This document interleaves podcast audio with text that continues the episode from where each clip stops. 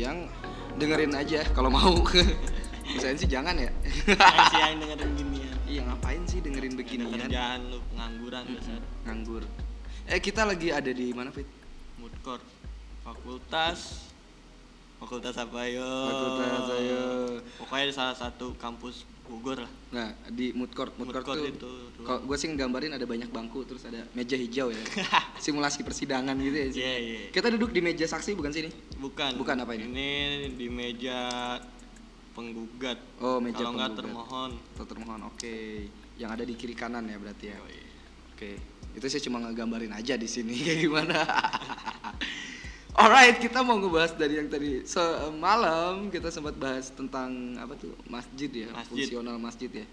Terus sekarang fungsional lainnya, fungsional utama kan itu sebagai apa tempat sholat berjamaah gitu ya Fit ya. Masya Allah. Masya Allah. Karena ini masih di waktu bulan puasa, jadi kita ngebahas tentang Yang berbau bau dengan, agama. agama. Iya, ya harus, Harus, ya. harus. Biar setidaknya gitu. Setidaknya kita dikata orang bener. Orang bener. Se- padahal. se- padahal belum tentu Betul, juga. Oke, jadi ada eh, sedikit ya gue baca riwayat Imam Syafi'i itu berkata bahwa adapun sholat jamaah aku tidaklah memberi keringanan bagi seorang pun meninggalkannya kecuali bila dia uzur jadi kecuali kalau memang udah tua Udah tua boleh. boleh gitu meninggalkan. meninggal bukan meninggalkan apa lebih nggak nggak ikut jamaah Nggak gitu. ikut jamaah. Oh, Hmm, kayak gitu. Tapi nggak meninggalkan sholat. meninggalkan sholat kenapa sih diususin jamaah gitu Kenapa tuh? kenapa ayo Ayo. Allah Ta'ala berfirman Dan apabila kamu berada di tengah-tengah mereka sahabatmu Lalu kamu hendak mendirikan sholat bersama-sama mereka Maka hendaklah segolongan dari mereka berdiri sholat besertamu Dan menyandang senjata. Kemudian apabila mereka sholat bersamamu Sujud telah menyempurnakan satu rakaat Maka hendaklah mereka pindah di belakangmu Dan menghadapi musuh Dan hendaklah datang golongan yang kedua yang belum sholat lalu sholatlah mereka di belakangmu. Ini kalau misalnya ketika lagi Iya, perang lagi berarti perang. lagi perang pun harus Sholat. sholat bahkan kalau bisa jamaah. Oh iya, biar Gitu. nggak diserang biar musuh. nggak diserang musuh. Gantian jadinya. Ketika perang aja seperti itu. Oh, gue pernah tuh pernah lihat pas saat ada tuh videonya di YouTube saat angkatan bersenjata. Jadi Mhm. dia sedang melakukan sholat jamaah. Jadi pertama imamnya nih, misalnya sujud atau ruku, Heeh. barisan yang per- saf yang di belakang imam dulu. Setelah imamnya berdiri ganti berdiri gantian selesai tuh yang saf belakangnya sebelah ganti-gantian kanan. lah pokoknya gitu. ada yang nyandang senjata lah ya Iya. gitu ya buat mengamankan kak kondisi ya.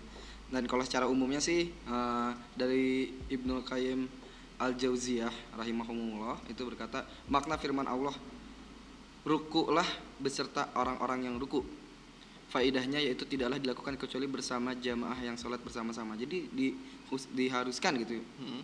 bukan diwajibkan berjamaah tapi lebih ke kayak gimana ya? Diharusin gitu deh ya kali ya. Diharuskan. Karena banyak banyak ininya lah apa manfaatnya Manfaatnya. manfaatnya, jadi kayak keutamaan sholat jamaah di masjid nih ada nih memenuhi panggilan azan dengan niat untuk melaksanakan sholat pertama karena kan ketika ada panggilan azan orang kebanyakan azan Tar ada dulu. yang tar dulu gitu inget gak ada Ya. Situ lagi. juga gak tahu ini kebetulan bisa kebetulan ya, gimana? Iya gimana ya kan waktu itu jelas ya ketika azan datang kita menghentikan untuk menjawab azan gitu. Tapi jawaban dari beliau adalah azan itu bukan nyuruh kita Untuk untuk diam gitu. Tapi untuk sholat ya kan Sholat, kita kan iya, harus ngejawab azan ya kan ya? Gimana sih harus jawab azan? Benar-benar. terus bersegalalah untuk sholat di awal waktu berjalan menuju ke masjid dengan tenang membaca doa sholat tahiyatul. Terus memenuhi panggilan komat. Jadi biar kita kedengeran nih ada komat gitu. Makanya kita harus ke masjid.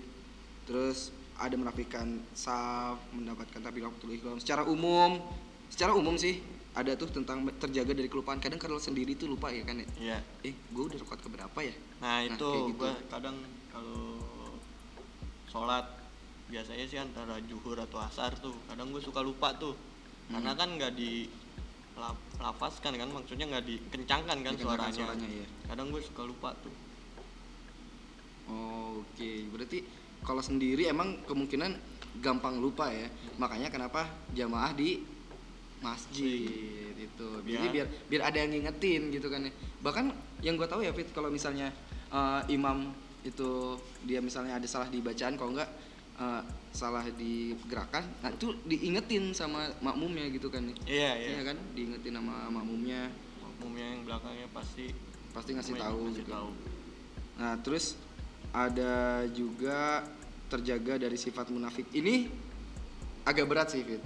Cuma yang gue tahu ada salah satu riwayat itu bilang bahwa jikalau kamu bisa eh, berjamaah di masjid selama 40 hari berturut-turut tanpa terputus, maka kamu termasuk dari orang yang terjaga dari sifat munafik. Kalau gue sih ngelihatnya karena kita bisa konsisten sih itu.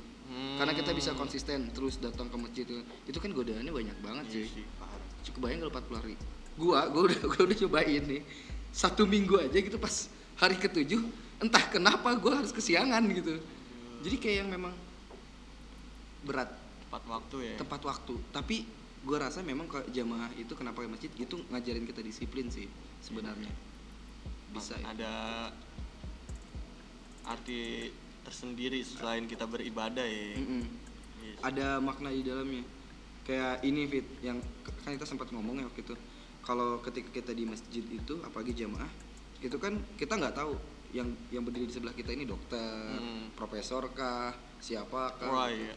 itu kan siapa aja ada di situ maksudnya gini loh eh, beda dari beberapa tempat ibadah lain yang kadang gitu ada yang menggunakan ciri khas datangnya misalnya menggunakan kemejanya Oh, berbeda. iya, iya. jadi tahu kastanya. Cuma kan kalau ke masjid itu kadang-kadang malah orang yang dandanannya pakai sarung sama kawas doang ternyata dia ahli ibadah. ahli ibadah dan orang terpandang. Cuma dia nggak mau kayak kelihatan Iya. gitu.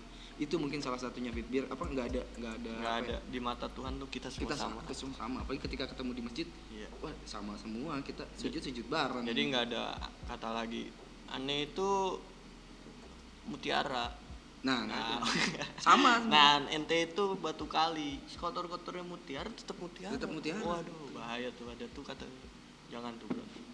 Itu siapa? Git- ya enggak. Aduh. Berarti kita di mata Tuhan semua semua sama. nggak ada bedanya. Yoi. Yang ngebedain cuma amal ibadah. amal ibadah. Dan- siapa yang bisa ngeliat amal ibadah? Wih, nggak tahu. nggak ada. Cuma Tuhan yang bisa Iya. ngeliat.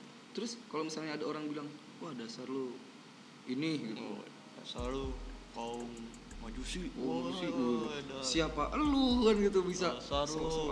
ahli neraka Ahli neraka, Oh, widih. ahli neraka neraka aja ada ahlinya. Ada ahlinya. Profesor profesor profesor neraka. Iya, ahli neraka. dia profesor. Ih, bayang tuh ya yang neliti siapa ya? Iya dia.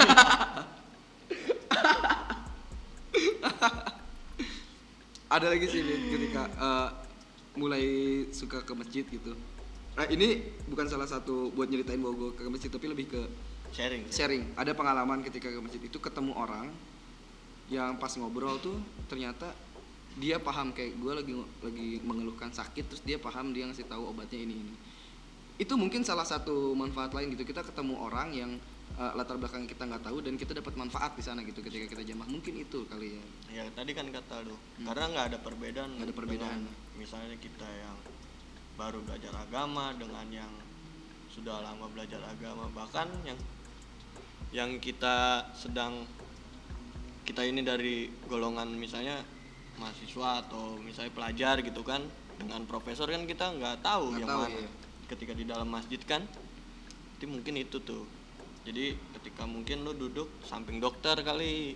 Iya kebetulan. Jadi dia bisa oh iya nih anak mungkin lagi sakit. Jadi dia langsung tahu ngasih tahu apa aja. ciri-cirinya kan. Dia lebih paham, ya ciri-cirinya. Itu itu sih salahnya terus karena sesama muslim gitu jadi malah dia nawarin "Eh, kamu karena sering ketemu kali ya, sering ketemu subuh gitu sampai dia tuh bilang ya udah nanti main ke tempat klinik saya udah masalah bayarannya gampang. Kak, sampai segitunya gitu. Iya. karena sering ketemu sering jumpa dan sering berjamaah bareng jadi ada kedekatan. Ini kali yang disebut dengan ukhuwah Islamiyah ya tali persaudaraan Islam ya seperti ini. Ini yang harusnya sebenarnya dipelajari oleh banyak kawan-kawan kita kali ya bahwa nggak cuma sekedar di masjid tuh malah jadi ajang buat waduh. Waduh kan? Banyak banget sekarang ya? Waduh nggak tahu tuh gua di masjid mereka ngapain. Ngapain? Aduh. Aduh, ya intinya sih jamaah itu ada salah satu Manfaatnya uh, banyak. manfaatnya gitu. Banyak sih manfaatnya, Banyak, banyak, banget. Cuma kalau uh, kalian kan kebanyakan orang ketika manfaat manfaatnya kan cuma dari pahala doang nggak kelihatan gitu. Ada manfaat yang di luar lu harus apa ngegali sampai ke pahala ya di manfaat dari sosialnya. Sosialnya sendiri kan kerasa apa sih secara horizontal ya. Secara horizontal kita ketemu orang dan lain sebagainya. Akhirnya kita bisa saling bantu satu sama lain itu sih Harusnya. harusnya.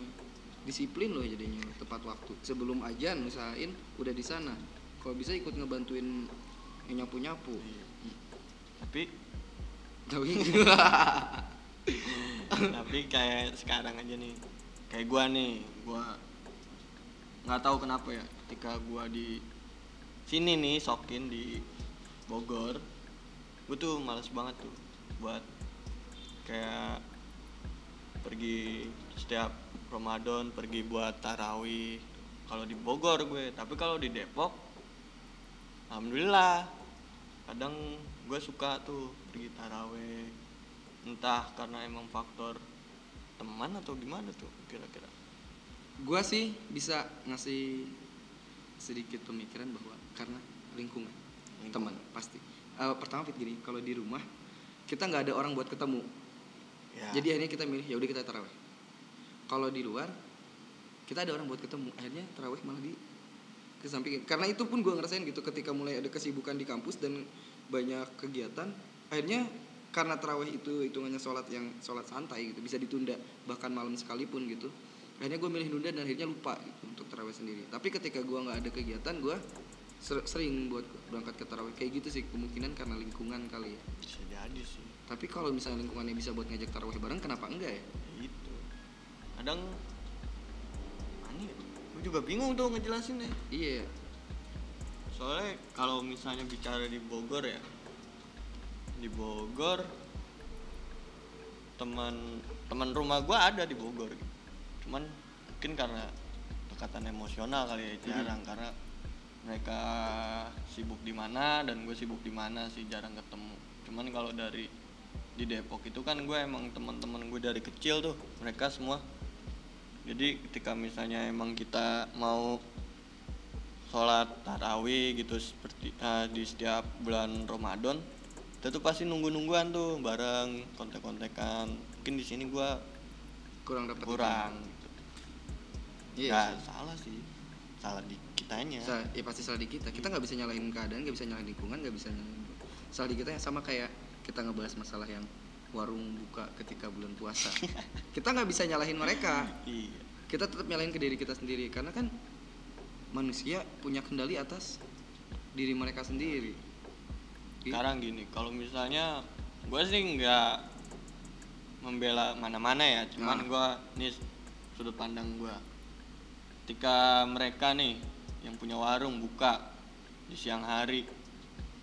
Terus lu ngomelin mereka. Kalau mereka tutup mereka sementara itu misalnya ke, orang- seorang kepala rumah tangga dan ibu rumah tangga. Mereka buat nafkahin anaknya gimana? Nah itu. Kalau misalnya pernah nggak sih berpikir apa ya? Boleh apa eh, jangan dilarang sih sebenarnya. Terus kawan-kawan saudara-saudara kita yang di luar muslim sendiri yang nggak menjalankan menjalankan puasa. puasa gimana? Nah mencari itu. makan? Nah, tapi alhamdulillahnya puasa ini enak sih. Nggak nggak separah dulu. Iya. asli. Enaknya apa? Dah? Kagak macet. Oh iya. Kenapa saat, saat ini nggak terlalu macet? Nah tuh nggak tahu gua. Berarti nggak banyak orang keluar bisa jadi. Bisa jadi sama kemungkinan. Tapi kalau masalah cuaca ya kalau gua rasain sih sekarang ini nggak terlalu panas kayak kemarin tahun lalu. Iya nggak terlalu panas tahun lalu. Dan banyak hujan. Mungkin salah satu faktor Bisa jadi keluar sih. juga bisa karena banyak hujan. Sama ini sih gua kayak eh, banyak orang sekarang udah lebih ke quality time ke keluarga sih. Hmm, karena beberapa teman gua pun eh, kayak gini bukber. Gua jarang udah udah biasanya tuh di minggu awal Ramadan tuh udah ada bukber Bukber, gitu booking booking bukber gitu. Karena nggak ada sampai minggu ini tuh belum ada gue dengar kabar bukber gitu. Ukuran lu banyak? Banyak. Syukurin. Kalau gue pribadi tuh enggak mungkin karena untuk wilayah Bogor sendiri ya? Ya gue gimana tuh? Temen gue ya di kampus berapa biji ngajakin bukber di tanggal yang sama dengan kegiatan yang sama tuh belum lagi kan mau ada kegiatan juga kan gue dan kawan-kawan kan. Iya. itu ya ini gue bingung gitu. Kita ya bukannya emang sih satu sisi bagus gitu menjalin tari silaturahmi yang hampir terputus gitu. Cuman kadang faktor keuangan yang susah. Iya itu kalau bukber tuh.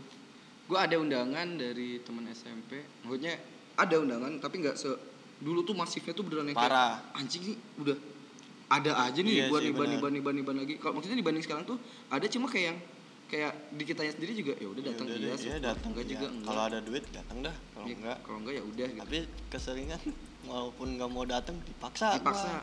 dipaksain juga apa mungkin karena usia kita ya Fit ya? bisa jadi soalnya kalau gua ngelihat ke orang yang lebih tua dari kita ketika kemarin tahun kemarin gitu kita sibuk mereka enggak.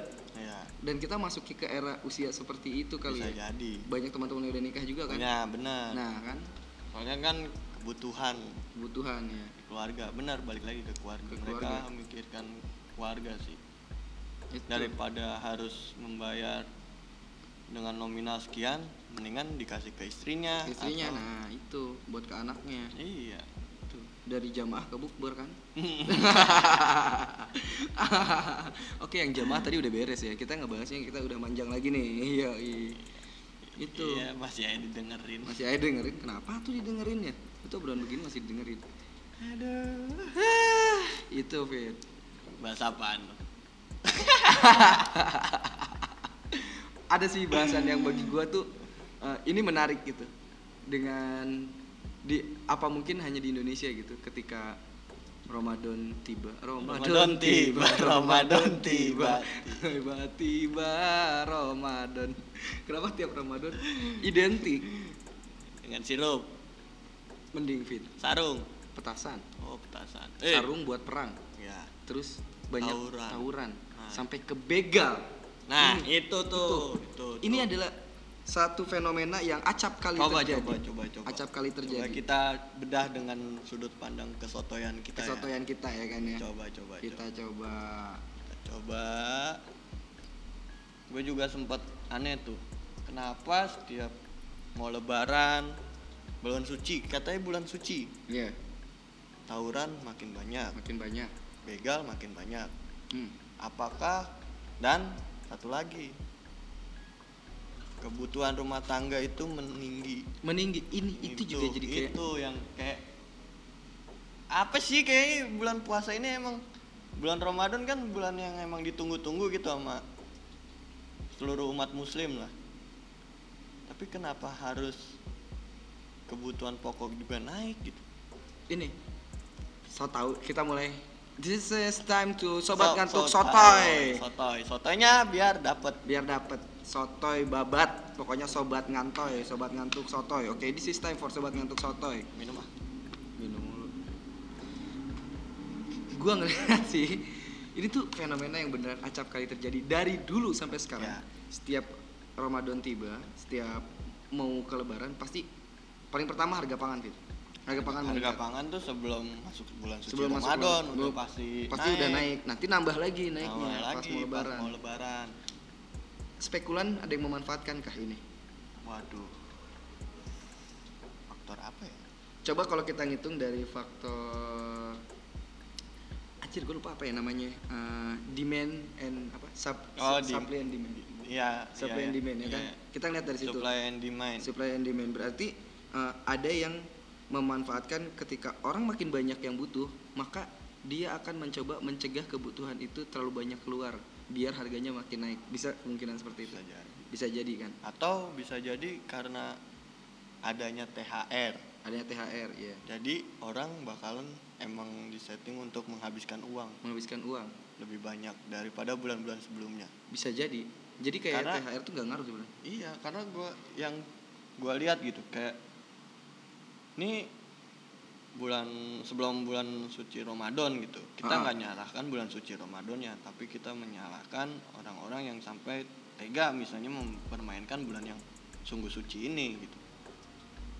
Eh, menaikkan harga pangan dan segala macam harga biasa aja nih kayak daging sapi terus eh, beras kayak apalagi gula sampai ke kecap. Kecap itu biasanya standar kan. Hmm. cabe sampai cabe tuh. Paling kalau misalnya naik mereka karena gagal panen. Iya kayak gagal panen. Gagal panen terserang hama cuaca buruk atau kekeringan. Nah ini ketika bulan suci Ramadan apakah emang petani pada nggak bertani? Karena bisa jadi. Bisa jadi atau peternak nggak berternak bisa jadi. Bisa jadi. Atau sapi gitu ikutan puasa. Nah, ayam bisa ayam jadi. bisa jadi. Atau pada males. Udah males. Banyak sih kemungkinannya. Tapi sih kalau kita ngukur dari yang tadi disebut supply and demand sih kemungkinan emang ada permintaan. permintaannya lebih besar. lebih besar. Emang enggak sebelum permintaan lebih besar, emang hari-hari sebelum bulan suci Ramadan permintaan itu dikit. Sama sih cuma lebih meningkat Fit karena gini eh, tradisi di kita ketika Ramadan awal mereka harus makan enak Ya, jadi permintaan pasti besar besar. Sebenarnya bukan masyarakat yang meminta itu besar karena kebiasaan akhirnya pasar tahu bahwa pasti mereka membutuhkan ini lebih banyak Banyak. akhirnya eh, caranya biar nggak cepat habis adalah dengan dinaikkan Eh. harganya Oh. kayak gitu Fit jadi dinaikin harganya biar nggak cepat habis banyak Naik. di stop gitu.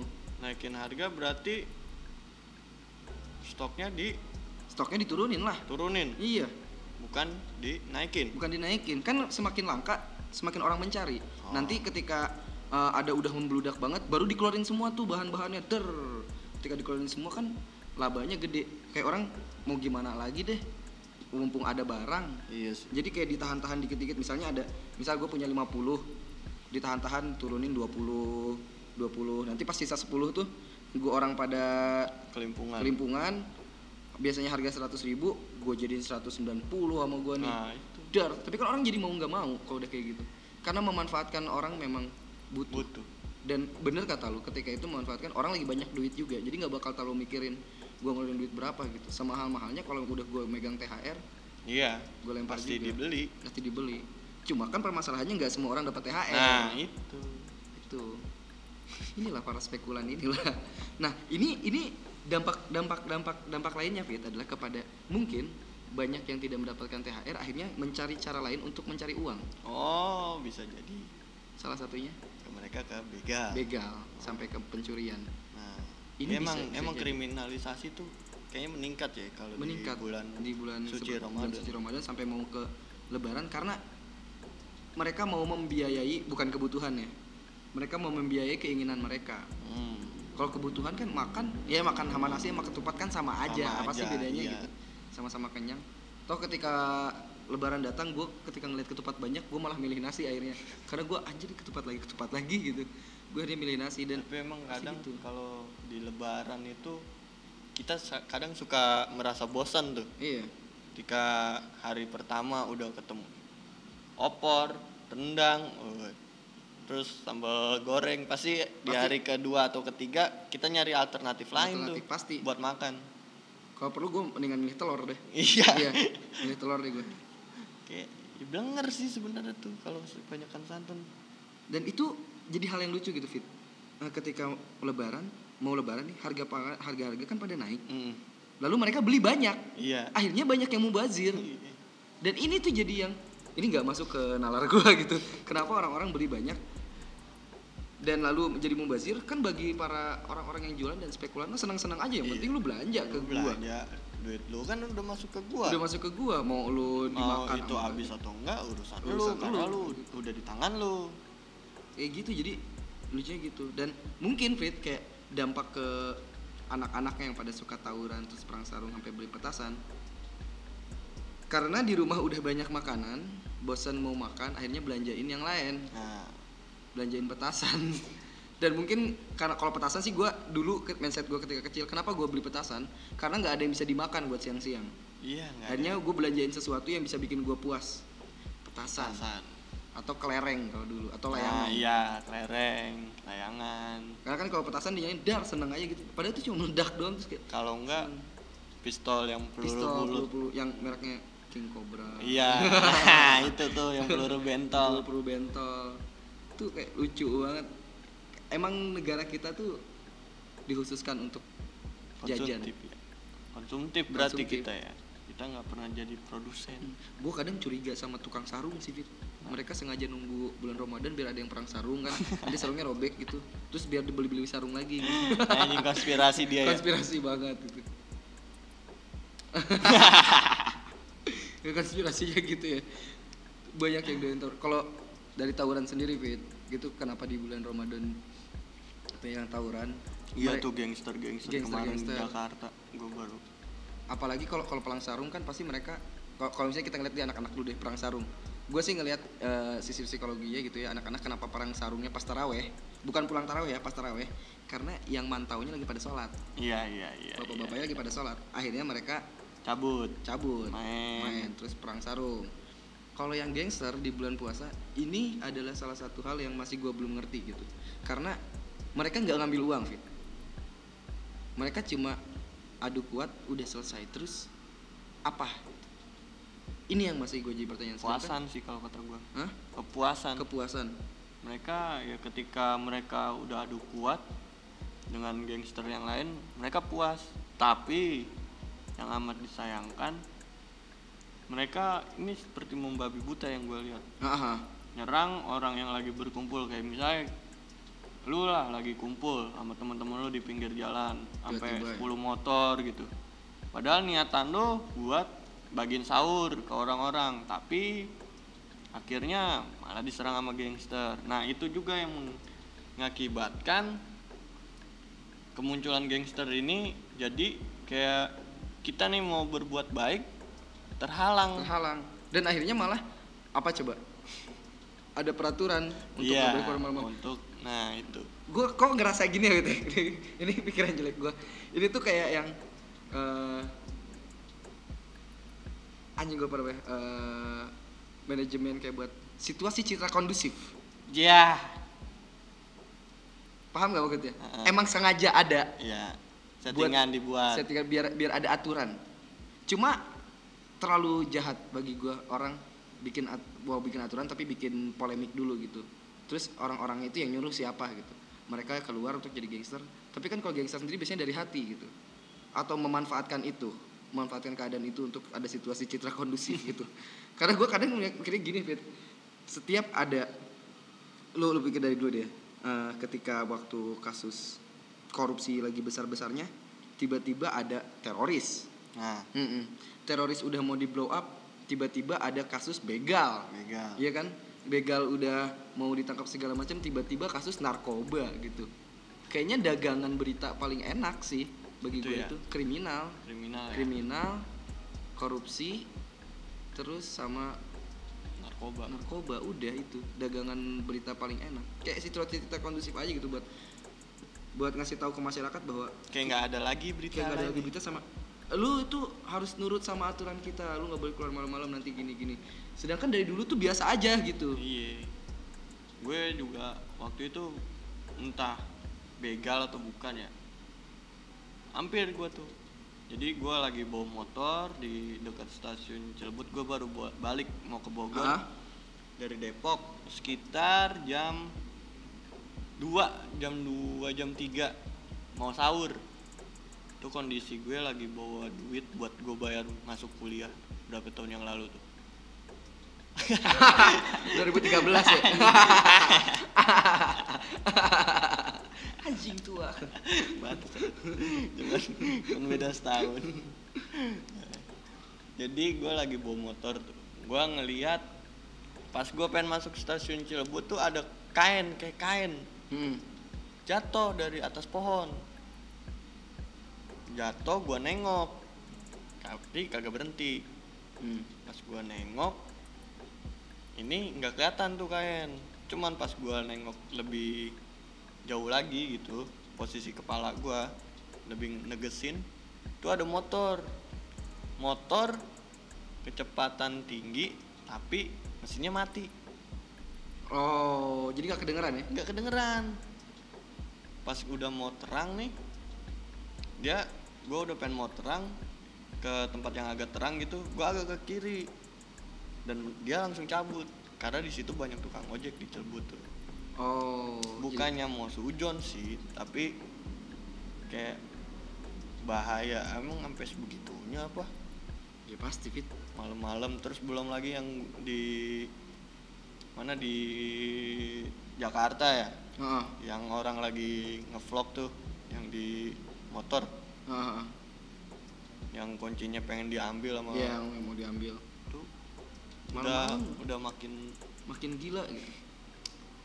Gue ya itu Fit, yang kadang gue mikirnya ada beberapa yang memang mereka murni masalah ekonomi tapi gue selalu yakin bahwa ada beberapa mereka ini bukanlah orang yang memang membutuhkan uang dan mereka memang ada yang meminta mereka untuk melakukan itu gitu gue kadang mikir gitu karena kalau kita ngeliat dari regulasi yang ada sekarang sih gitu kayak emang memanfaatkan momen gitu momen lagi kayak gini. Jadi kadang gue mikir fit bahwa kata setan itu di penjara ketika bulan Ramadan mungkin setan yang dimaksud adalah setan yang tidak terlihat. Nah ya tapi setan berwujud manusia lebih parah di bulan Ramadan karena mereka tugasnya harus ngejaga hawa nafsu kan? Setannya berbentuk hawa nafsu kan? Kayak yang di surat Anas ya? Iya. setan jin, Jin dan, dan manusia. manusia. minal jin nati wanas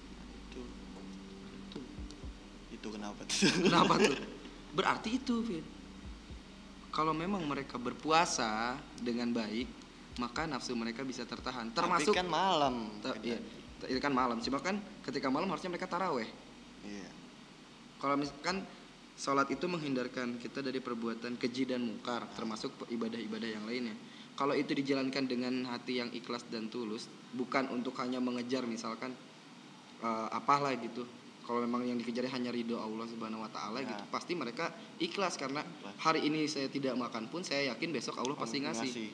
Tapi ketika mereka tidak ikhlas, maka berpikir besok bagaimana saya untuk makan, sedangkan tidak memiliki apa-apa, akhirnya segala macam di, cara akhir dipakai gitu. Sedangkan kan makan sama nasi juga makan gitu, makan makan sama roti makan, makan, iya kan, Iya. makan sama ayam, ayamnya Ah, sebelah kita, iya. makan sebelah kita ayam, makan Gitu. sama ayam makan sama ayam, ya, Ya gitu, lu dalam kandang emang dalam kandang. Jadi lucu aja gitu. Berarti emang kebanyakan kalau mereka niatnya gitu, saya mau ngebegal, saya nyuri karena buat kebutuhan lebaran. Emang lebaran apa yang mau lu Itu tonjolin? dia Lu mau nonjolin apaan lebaran gitu? Lu mau pamer? lebaran itu kan bukannya baju yang baru Iya, harusnya kan sifat yang baru sifat yang baru. Kalau bisa yang sudah diperbaiki. harusnya lo lebih Harusnya. baik dari hari-hari sebelumnya sebelumnya.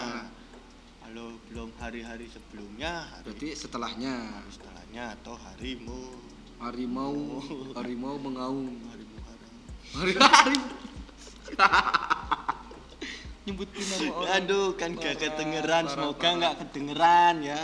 Untung nggak ada yang tahu nyebutin hari Muharram. hari Muharram. Berarti berarti hari itu lagi mau. hari harimu hari, Hari lu hari hari- lu hari hari lu kalau halal? Jadi lu lagi hari itu memperak takut. Takut takut didengar bukan gue takut dikunciin oh gua. ya yo isi kan nggak lucu kita dikunciin di sini nih. Ya udah nge podcast saya terus. Goblok aja sampai berbusa berbusa. Oh, teman modal bakwan bawan bakwan. Sama Alright. sebotol air ya Allah sedih amat. sedih banget ya. Udahlah ya. Tugas belum kelar. Gue juga skripsi dikit lagi belum. Dikit lagi belum. Dikit lagi aja belum. Gua udah di ACC gua yang penting judul udah sama. Udah udah judul di ACC tinggal nyari dosen pembimbing nah kalau dosen pembimbing gue udah dapat waduh. Nungguin si sayang aja lulus. Biar bareng. Ya udah eh, podcast hari ini kita cukupkan. Tadi kita ngebahas masalah nggak tahu nggak tahu apa banyak. Lu lu artiin aja sendiri Iya, itu dah. bahasannya apa aja banyak. Ya suruh siapa dengerin sih pada Iya, akhirnya tetap itu, suruh siapa yang dengerin. dengerin. Bete kan Bete lu kan. nggak nyambung dengan nyambung. judulnya pasti. Nggak penting juga. kalau lo mau podcast bareng kita kita orang nih Heeh. DM aja ke Instagram tendensi Bunuh. bunuh diri. Iya. iya. Wuhu, promosi anjing. Promosi mulu. Promosi siapa anjing? Pokoknya itu lah ya. Kita nanti ada sesi di mana podcast ini kita tayangin di YouTube jadi kita podcast tapi ada videonya gitu. Jadi biar biar lucu aja. Anjing. Ada satu sesi. jadi video. lu kalau mau lihat komuk-komuk kita kalau lagi bikin podcast gimana sama kondisi tempat Anjing. berantakannya kayak gimana. Kita di dalam studio Dalam studio. kita punya studio sendiri. Studio kita di mana-mana tapi nanti ada kita adain podcast ngabuburit ya. Oh iya kita di luar gimana kalau kita luar? yoi. jadi ada orang yang lewat kita tiba-tiba ajak ngobrol ajak ngobrol. boleh boleh boleh tuh. Pokoknya ngobrolnya berantakan deh Berantakan aja, berantakan iya. ngobrolnya. Kita mungkin nanti ada kawan-kawan yang kita kenal juga kita ajak kali kita ya. ajak ya Nah, pengen ngajak selebgram ya? Waduh. Aduh cuma selebgram tuh kadang bagus di kamera pas diajak ngobrol suka nggak nyambung gitu. Nggak semua sih tapi ada aja ada yang nyambung. Cuma karena emang itulah Aduh. ini baiknya Tuhan gitu adil. Iya adil. Ada yang nggak ada yang sempurna, ada yang memang sempurna. dia doang yang sempurna. Kalau ada yang ngelebihin berarti ya, Tuhan. Oke alright. Oke. thank you for your attention. Dan bye bye selamat sampai jumpa Bye-bye. lagi di sobat ngan. Ngantuk. Goodbye